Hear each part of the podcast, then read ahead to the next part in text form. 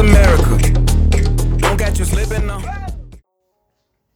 Op 15 april 1955 opende het eerste McDonald's restaurant in Illinois. Het eerste McDonald's restaurant in Nederland opende in 1971 in Zandam. Dat is direct ook het eerste McDonald's restaurant in heel Europa. Sindsdien bleef het aantal fastfoodketens in Nederland maar groeien. Inmiddels zijn er wel meer dan 1900 fastfoodrestaurants in Nederland. Maar eten is niet het enige dat is aangetast door de multinationals uit Amerika. In de media is er steeds meer entertainment te zien uit Hollywood. Engelstalige muziek domineert de hitlijsten en reclames zijn vaker Engels dan van Amerikaanse bedrijven, zoals Coca-Cola, Apple, Amazon en al hun dochtermerken. Maar wanneer begon de Amerikanisering en wat zijn de positieve gevolgen voor Nederland? We hebben hier voor Amerika-expert Donald McDonald uitgenodigd. Ik ben Rufus en dit is mijn co-host Mattia. Welkom bij Globally Harmonized Systems, BINAS 97B en 97E.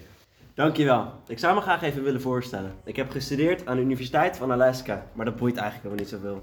Oké Donald, maar eh, onze eerste vraag is hoe is Amerikanisering in Nederland eigenlijk begonnen? Na de Tweede Wereldoorlog moest Europa weer opgebouwd worden. Amerika was redelijk onbeschadigd en verleende 15 miljard dollar aan economische hulp aan Europese steden industrie infrastructuur weer op te bouwen. Maar dit werd niet alleen gedaan uit vriendelijkheid, maar ook om de verspreiding van het communisme te stoppen en meer invloed te krijgen in de politiek. Maar hoe wilden ze communisme dan stoppen, meneer Ronaldo? Ehm, sorry, meneer McRonald. Het communisme was al een tijdje gevaar volgens de Amerikanen. Het breekpunt was toen Stalin niet zo aardig was en president Truman en Roosevelt kingshameden. Wow, kinkshamen? Ik heb geschiedenis gedaan, dat is nooit in de les opgekomen. De fascistische antifa wil niet dat je dat weet. Antifa is toch antifascistisch? De antifascisten zijn tegen de, zijn tegen de sterke mannelijke kapitalisten en willen ze dood hebben. Ik heb het gevoel dat het niet meer over globalisering gaat. Laten we doorgaan met de volgende vraag. Ja, eh, heb je het gevoel dat Amerika invloed heeft in de politiek en eh, wat verandert er? Oké. Je kan zien dat Nederlandse politici zijn geïnspireerd worden door Amerikaanse politici. Bijvoorbeeld Jesse Klaver, die bij zijn speeches Obama kopieerde.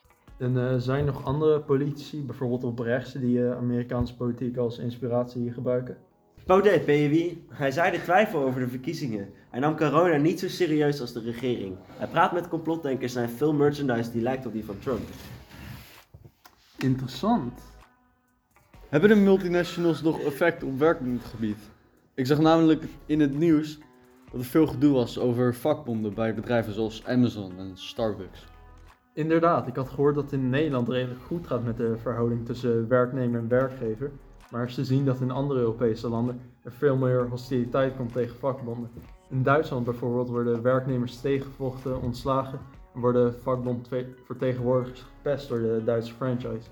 Dat is misschien waar, maar de mul- multinationals brengen werkgelegenheid wat tot betere arbeidsomstandigheden leidt. Maar in Amerika vechten allerlei werknemers voor betere omstandigheden.